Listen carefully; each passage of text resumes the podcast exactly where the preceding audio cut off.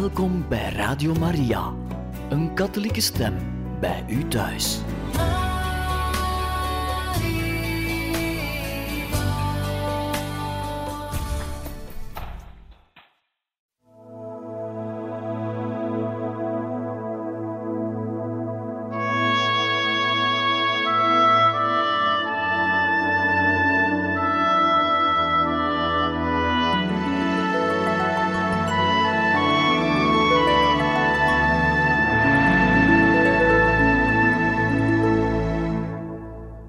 Beste luisteraars van Radio Maria, hartelijk welkom in dit programma Heilige Getuigen, waar wij verder gaan met de lezing van de biografie van Edith Stein, zuster Theresia Benedicta van het Kruis, geschreven door Anders Arborelius Carmeliet.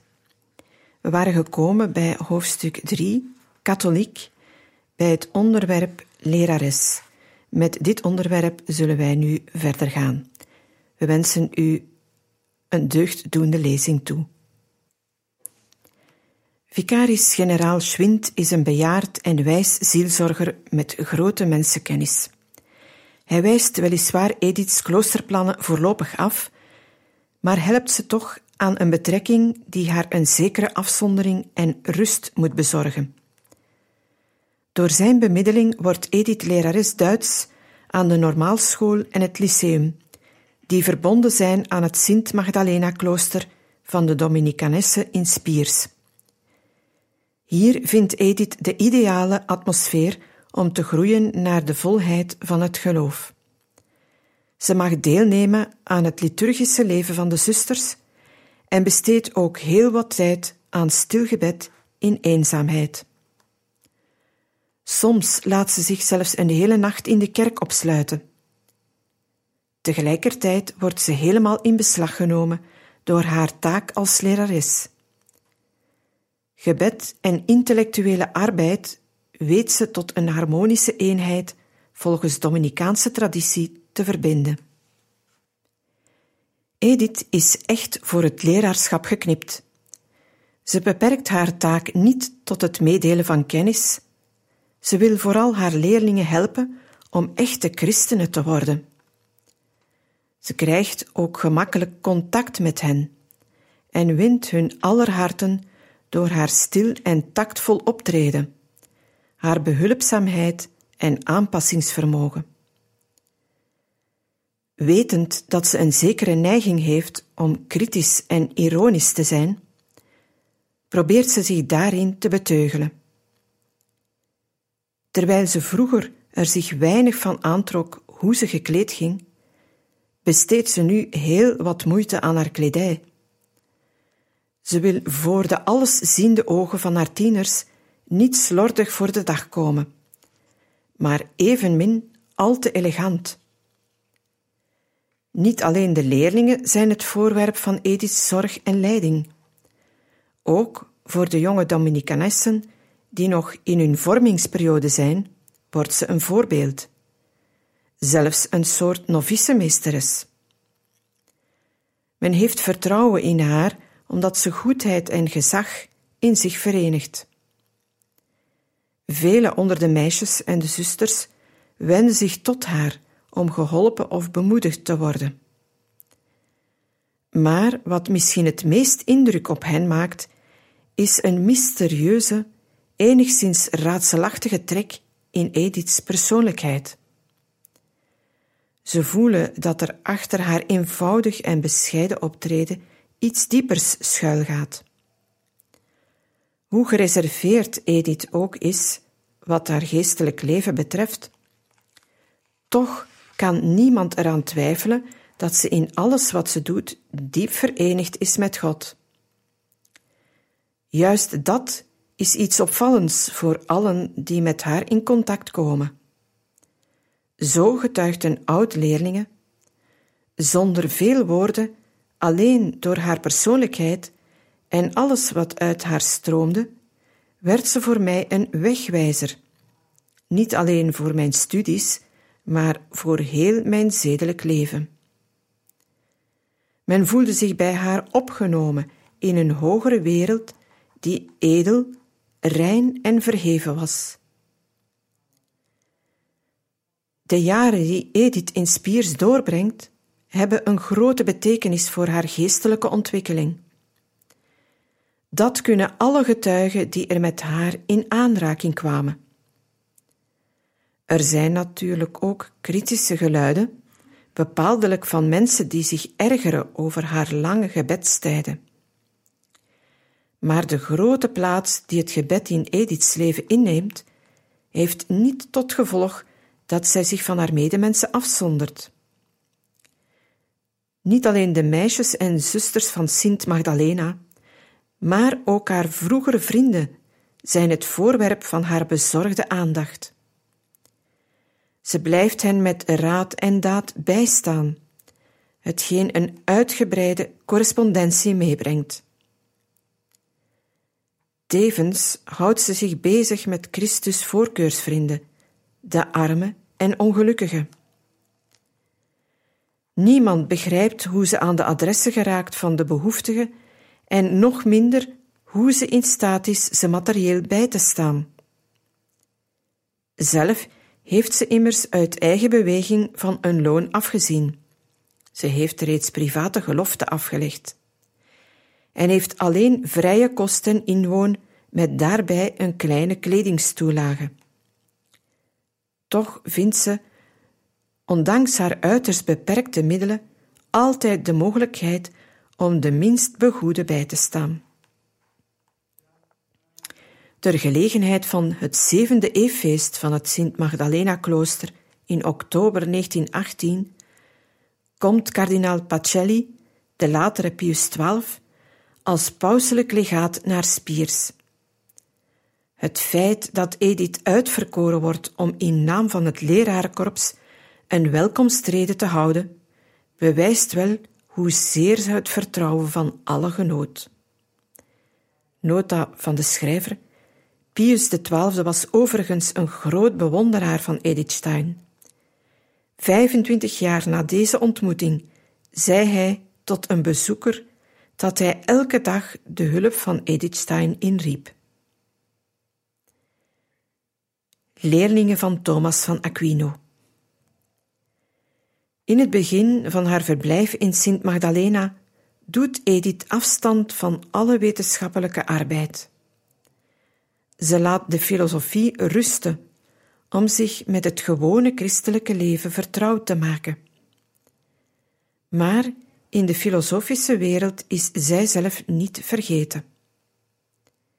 Erich Persivara, godsdienst, filosoof en jezuïet, vraagt Edith de brieven van een ander groot bekeerling, namelijk kardinaal Newman, te vertalen.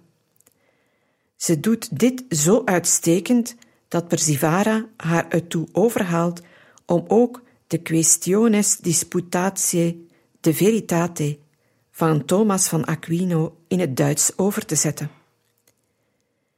Die ontmoeting met de gedachtenwereld van Thomas wordt van grote betekenis in het leven van Edith. Het motto Veritas of waarheid boven de slotdeur van de Dominicanessen had haar reeds getroffen. En nu vindt ze die hartstocht voor de waarheid uitgedrukt in filosofische termen bij Thomas. In een brief aan Dominicanes openbaart Edith iets van het vele dat ze bij Thomas mocht leren. Natuurlijk is godsdienst niet iets voor een stil hoekje en enkele plechtigheden, maar ze moet, zoals u zelf het aanvoelt, wortel en grondslag van alle leven zijn. En dat niet voor weinige uitverkorenen, maar voor iedereen die echt christen is. Die maken natuurlijk altijd maar een kleine groep uit. Dat het mogelijk is wetenschap als godsdienst te beoefenen, is me voor het eerst echt bij de heilige Thomas duidelijk geworden. Thomas helpt Edith de samenhang tussen de verschillende aspecten van de godsdienst te ontdekken. Geloof is niet iets voor alleen maar een stil gebedshoekje of liturgische samenkomsten. Ook de wetenschap is een weg naar God, want ze is uiteraard een zoeken naar de waarheid, en dus in feite een zoeken naar de waarheid die God is. Geloof en wetenschap zijn niet tegenstrijdig, Het zijn twee evenwijdig lopende wegen, die gelijkenissen en verschillen vertonen.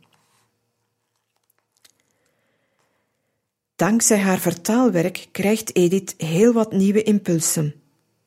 Latijn kent ze zeer goed, maar om Thomas te vertalen, moet ze zich ook in zijn gedachtenwereld inwerken.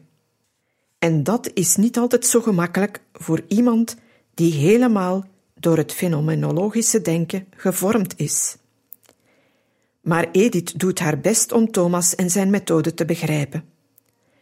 Haar eigen woorden getuigen dat ze echt veel van hem geleerd heeft. Wie een nogal lange tijd met deze klare en scherpzinnige, stille en bezonnen geest in zijn wereld leeft, die zal het altijd meer ondervinden dat hij in moeilijke theoretische vragen of praktische situaties, waartegenover hij vroeger hulpeloos zou gestaan hebben, gemakkelijk en zeker de beslissing vindt. En als hij daarna, zelf verrast, zich gaat afvragen hoe dit eigenlijk kon, ontdekt hij dat Thomas met een of ander van zijn zogenaamde haarklieverijen er de grondslag voor gelegd heeft, schrijft ze.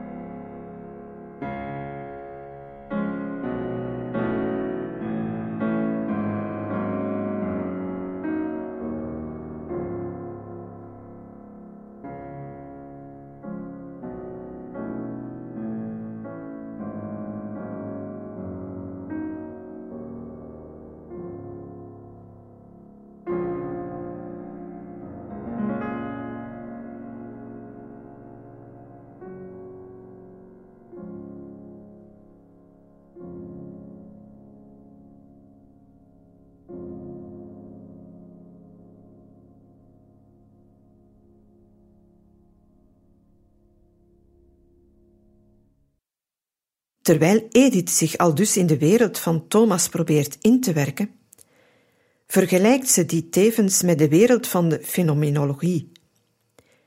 Deze nieuwe filosofische stroming werd immers door velen beschouwd als een nieuwe scholastiek.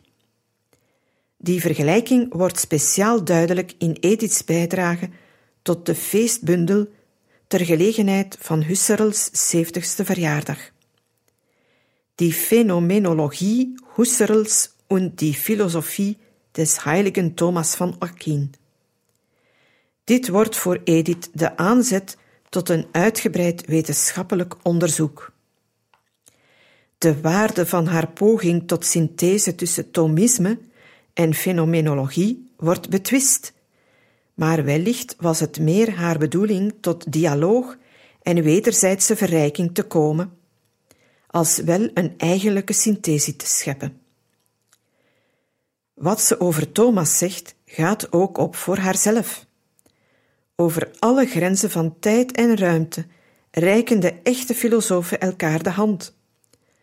Zo waren Plato en Aristoteles en Sint Augustinus leraars van de heilige Thomas. Let wel, niet Aristoteles alleen, ook Plato en Augustinus. En er bestond voor hem geen andere mogelijkheid dan te filosoferen in een voortdurende discussie met hen. In haar eigen filosofische studie probeert Edith voor geheel de filosofie open te staan en zo te komen tot een philosophia perennis, een tijdeloze liefde tot de wijsheid en de waarheid, hetgeen het uiteindelijke doel is van alle filosofische inspanning. Meer dan iemand die systemen opbouwt, is Edith Stein degene die in openheid voor geheel de filosofie tastend haar weg zoekt naar de waarheid. Leerlingen van Benedictus. De filosofie schijnt dus voor Edith meer een zoeken te zijn geweest dan het definitieve antwoord op alle vragen. Een uitlating van haar geestelijke leidsman, Schwind, getuigt hiervan. O, die filosofe, ze kan meer vragen stellen dan tien geleerde theologen kunnen beantwoorden.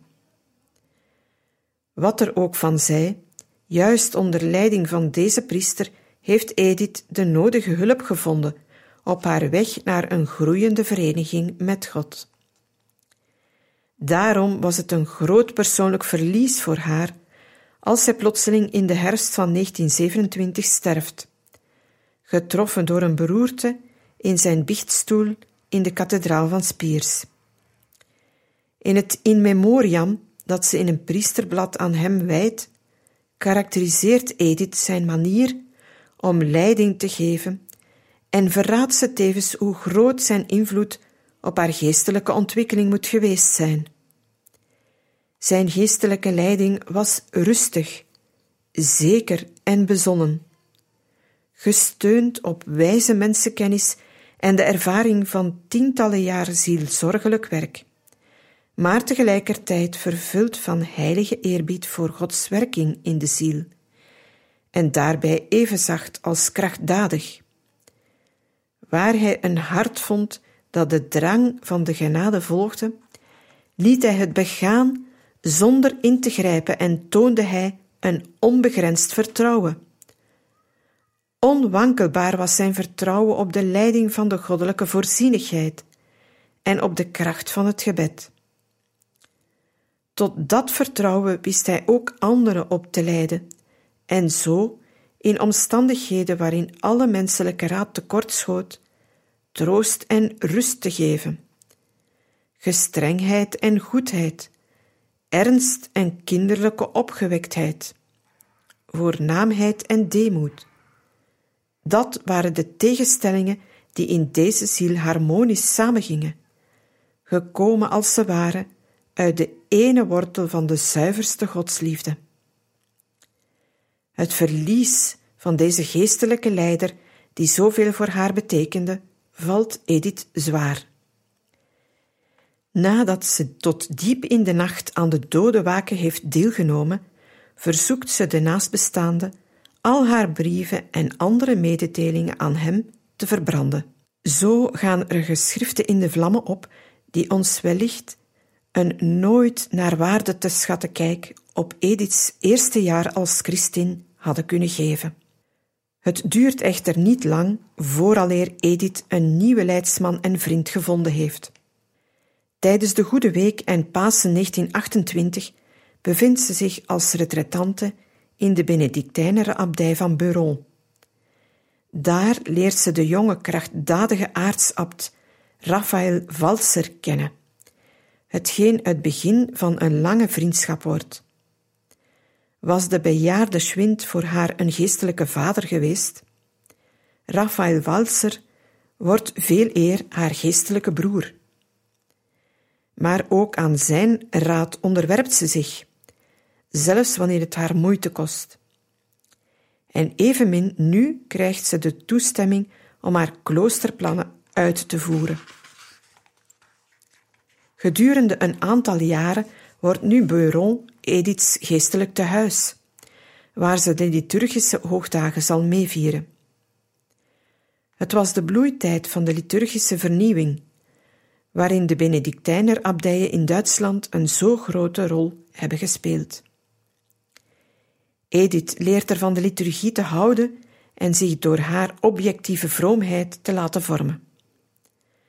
Ze dringt er ook meer en meer binnen in het mysterie van de kerk. Wel heeft ze vanaf het begin van haar bekering de kerk centraal gesteld in haar geloofsleven, maar nu, door haar contact met de Benedictijnen, wordt haar liefde voor de kerk zoveel te inniger. Bij hen vindt ze dat geestelijk klimaat dat heel doordrongen is van de kerkelijke renaissance van die tijd. De theologie die voorheen meer aandacht had voor de kerk als structuur, als societas perfecta, volmaakte maatschappij, keert terug naar de meer christocentrische kerkopvatting van de Bijbel en de kerkvaders.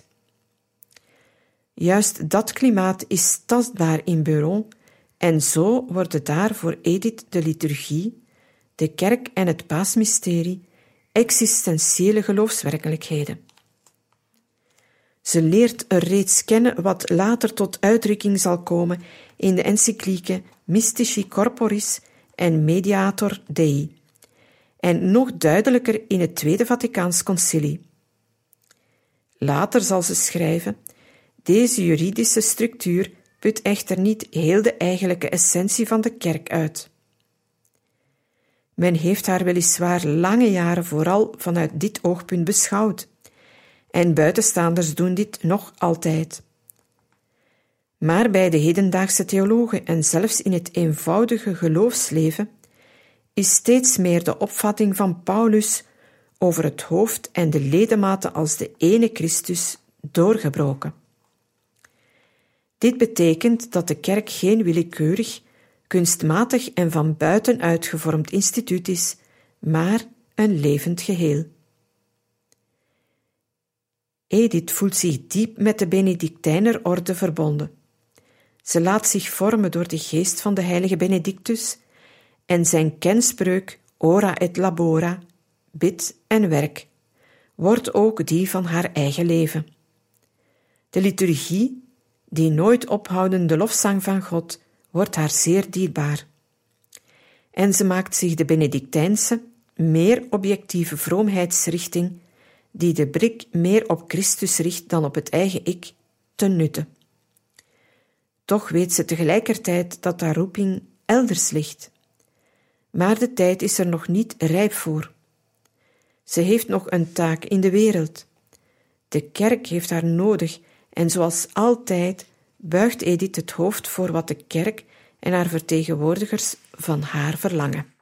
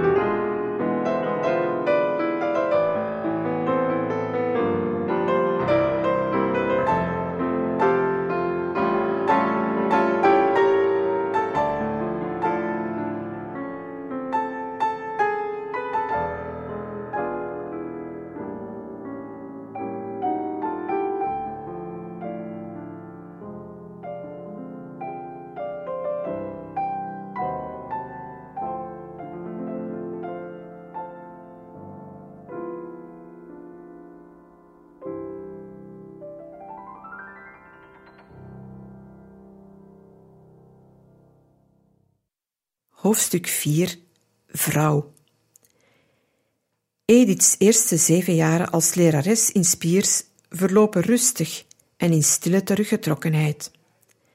Haar dagen worden gevuld met lesuren, filosofische studie en gebed. Ze leeft als een Dominicanes tussen de andere Dominicanessen. Maar de kerk heeft haar voor andere diensten nodig. De ogen van velen zijn op haar gericht. Men weet hoe bevoegd zij is. Erich Przivara kan haar overhalen om een reeks conferenties te houden voor katholieke leraressen en vrouwelijke academici.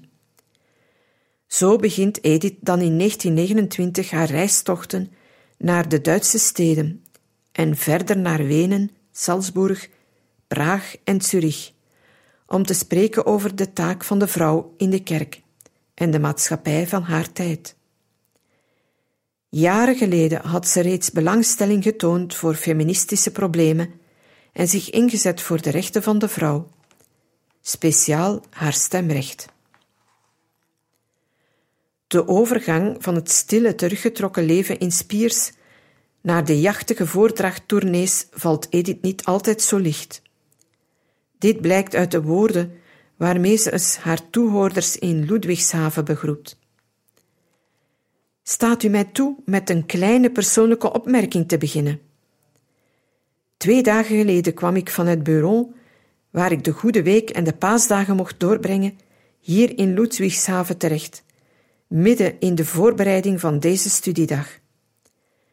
Men kan zich nauwelijks een grotere tegenstelling indenken. Ginds het stille dal van de vrede, waar onbekommerd om alles wat in de wereld gebeurt, dag na dag en jaar na jaar de lof van de Heer gezongen wordt. En nu hier deze vergadering die zich bezighoudt met het bespreken van de brandende vraagstukken van de huidige tijd. Het was bijna een neerploffen van de hemel op de aarde. Maar misschien is juist deze tegenstelling een symbool voor de opdracht die we allemaal hebben.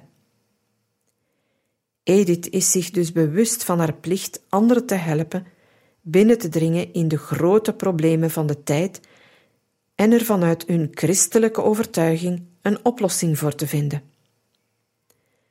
Ze richt haar boodschap eerst en vooral tot de katholieke vrouwen die midden in het dagelijkse leven staan en zich actief voor de maatschappij inzetten.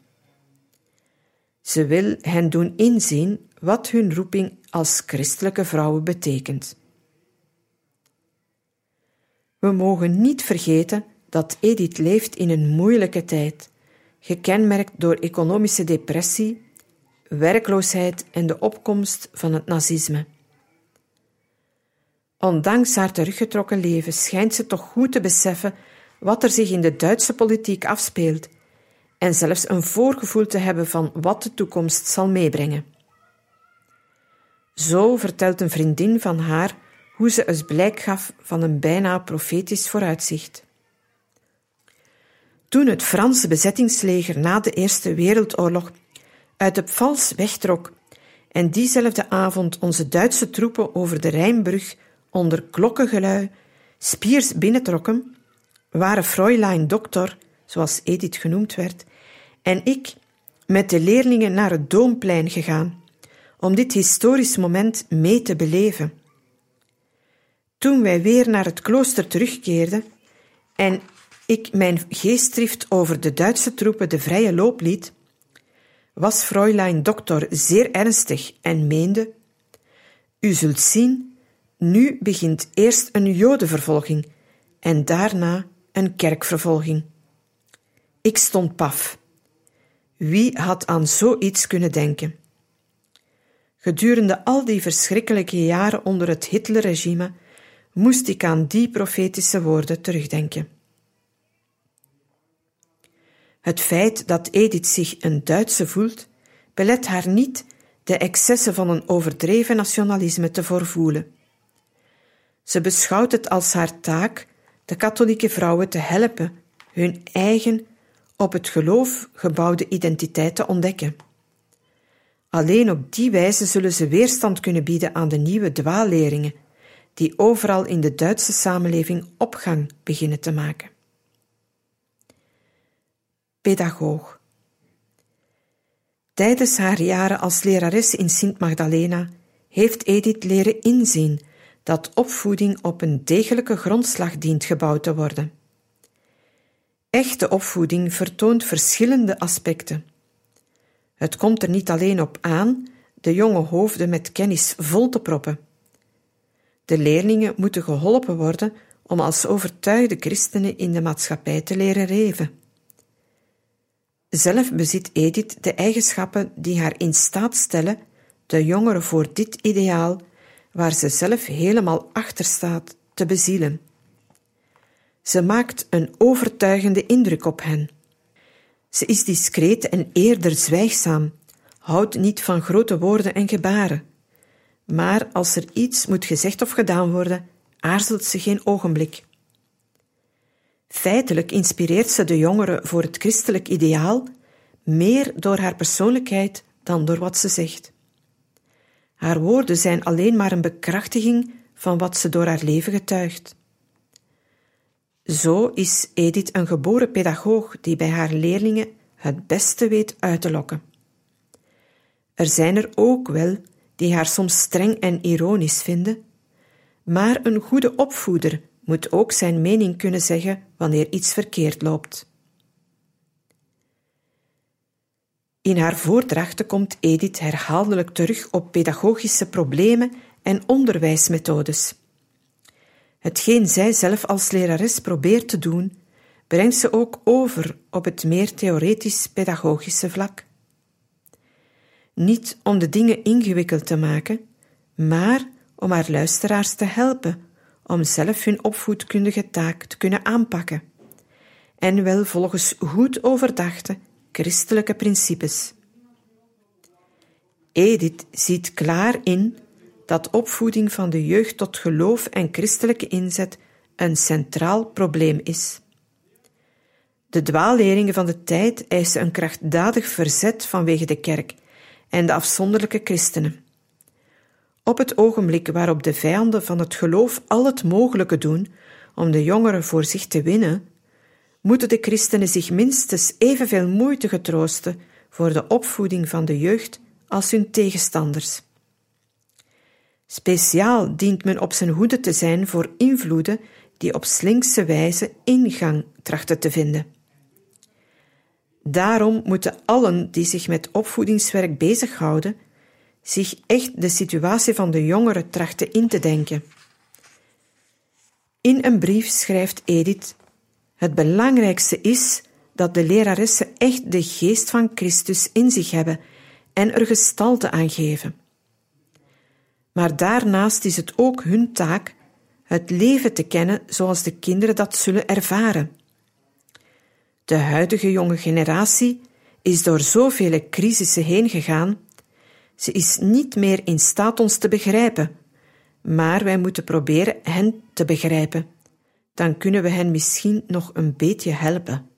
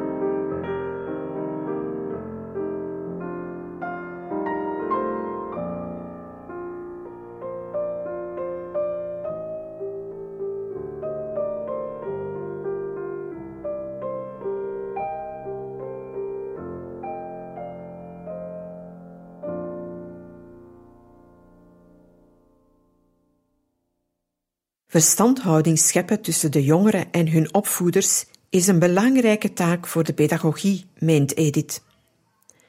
Maar om de jongeren te kunnen verstaan, moet de lerares zichzelf verstaan en tevens haar eigen roeping als christelijke vrouw en opvoedster. Dikwijls komt Edith terug op de gedachte dat de vrouw een speciale roeping heeft, zowel in de kerk als in de samenleving. Indien ze de kans niet krijgt om haar speciaal charisma te verwezenlijken, zal ze altijd iets ontbreken. Dit vrouwelijke complement, de eigen taak van de vrouw op alle gebieden, is moeilijk te analyseren. Edith zoekt het op verschillende wijzen uit te drukken. Bijdragen tot vrede en verzoening in de wereld, opvoeden tot onderlinge verstandhouding, zorgen voor de uitgestotenen, enzovoort. Natuurlijk zijn dit opdrachten voor iedereen en niet voor de vrouw alleen. Toch is Edith ervan overtuigd dat de vrouw hierin haar eigen charisma heeft, al kan dit moeilijk worden omschreven of onderscheiden van de algemene menselijke en christelijke roeping. Het komt er overigens niet zozeer op aan de roeping van de vrouw klaar te omlijnen, als wel ze in overeenstemming te brengen met die van de man en ze in een groter harmonisch geheel in te voegen. Onder deze periode van haar leven staat het feminisme opnieuw in het centrum van Ediths belangstelling.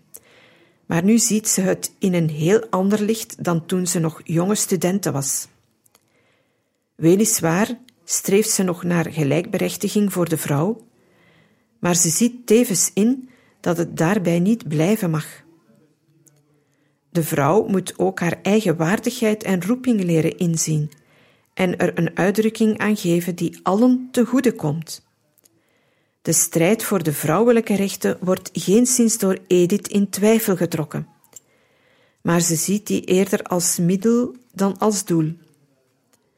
Wordt de strijd een doel, dan dreigt de vrouw haar ziel, haar eigen charisma te verliezen.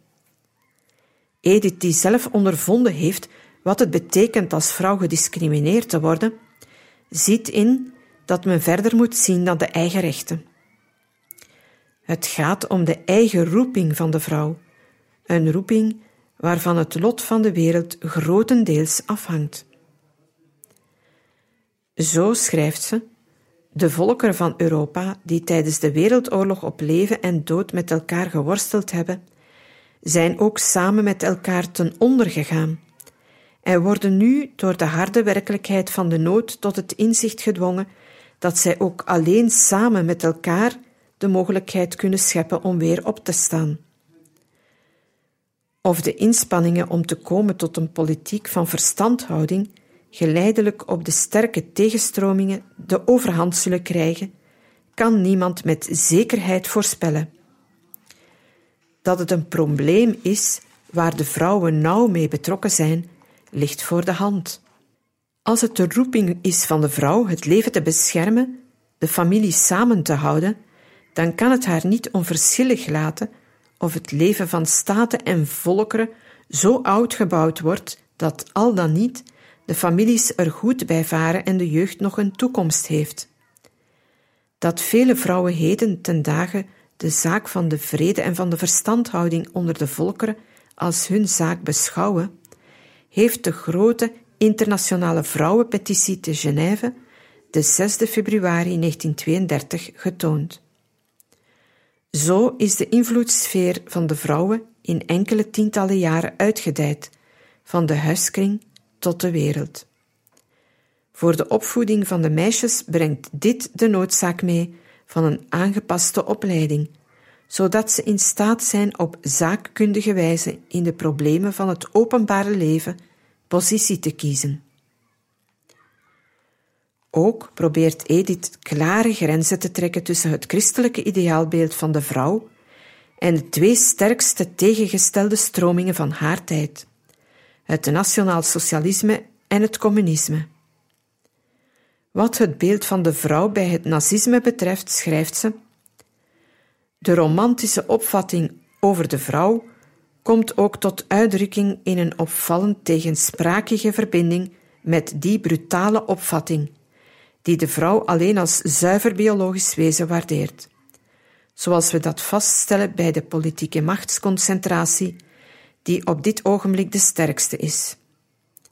Gedeeltelijk vanuit de romantische ideologie, gedeeltelijk met het oog op de rassenteelt, rassenzucht doen. Ten slotte met beroep op de huidige economische toestand wil men hier de ontwikkeling van de laatste decennia eenvoudig schrappen en de werkkring van de vrouw tot huis en gezin beperken. Met het geestelijke wezen van de vrouw wordt hierbij even weinig rekening gehouden als met de wetten van de historische ontwikkeling. Daarna neemt Edith ook de communistische opvatting op de korrel. Zoals hier, namelijk het nazisme, door biologistische vertekening en door overwaardering van de tijdsomstandigheden de geest geweld wordt aangedaan, zo is dit in het tegenovergestelde kamp eveneens het geval, maar vanuit het materialistische grondbeginsel. Een politiek die in de vrouw alleen maar de economische factor en de machtsfactor in de klassenstrijd ziet, kan wellicht door het lokaas van de radicale gelijkstelling met de man ook nog vrouwelijke aanhangers werven. Maar door brutaal de natuur en de roeping van de vrouw over het hoofd te zien, botst men toch tegen zeer sterke tegenstromingen, speciaal dan bij de vrouwelijke jeugd. Tegenover deze opvattingen over de vrouw stelt Edith de christelijke opvatting. De vrouw is anders dan de man, maar niet minder in waarde. En juist haar anders zijn wijst op haar specifieke waarde, namelijk haar eigen roeping en taak. Beste luisteraars, we beëindigen hier voor vandaag deze lezing uit de biografie van Edith Stein, zuster Theresia Benedicta van het Kruis, door Anders Arborelius. En we gaan volgende keer verder met hoofdstuk 4, vrouw, en het onderwerp vrouwelijk en mannelijk. We hopen dat deze lezing u gesticht heeft, wensen u nog een gezegende avond toe en tot volgende keer.